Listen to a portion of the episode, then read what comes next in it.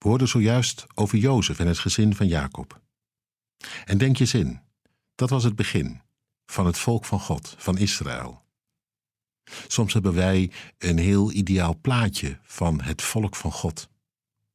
Nou, dat kun je vergeten als je dit, dit leest, dit hoort. Alle vrome dromen over gelovigen breken hier stuk, toch? Tegelijk vind ik het ook wel bemoedigend.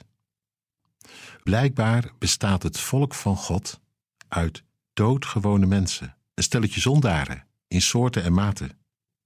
Natuurlijk is dat geen excuus voor fout, vals en slordig gedrag. Maar het geeft wel hoop, als schort er van alles aan. God, die zelf met ons begon, schrijft ons niet zomaar af. Ga door, ondanks ons. Genade heet dat, en trouw. Daar leven we van. Je ziet het al bij Jacob, bij zijn gezin. Jozef is intussen uh, afgevoerd naar Egypte en krijgt er nog een hoop te verduren. Hij krijgt te maken met de leugen en het bedrog van de vrouw van Potifar. Hij komt in de gevangenis terecht. Het lijkt alsof er van dat beloofde van God in zijn leven niks terechtkomt. De boze zet in ieder geval alles op alles om het te verhinderen. En toch dwars door alle kwaaie gedrag heen. Weet God te doen wat hij gezegd had. We lezen helemaal aan het eind van het verhaal, als Jacob inmiddels is overleden, over die broers, die bang zijn dat Jozef alsnog wraak zal nemen. Ze komen naar hem toe en ze vallen als het ware voor hem neer en smeken hem: vergeef je broers hun schandelijke misdaad.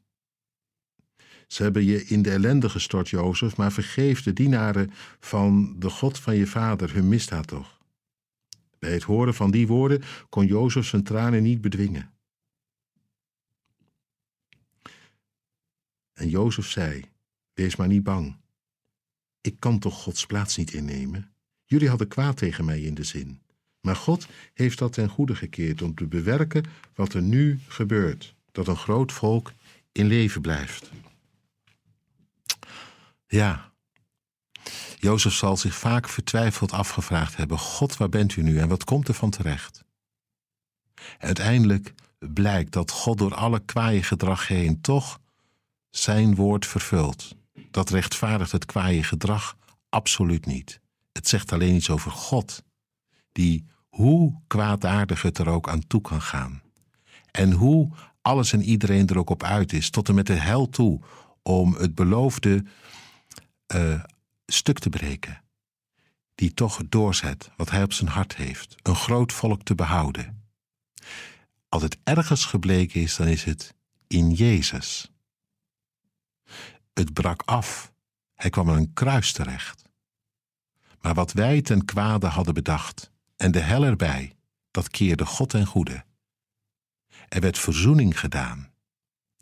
Jezus, degene die het heeft gered, een groot volk, een ontelbare schade.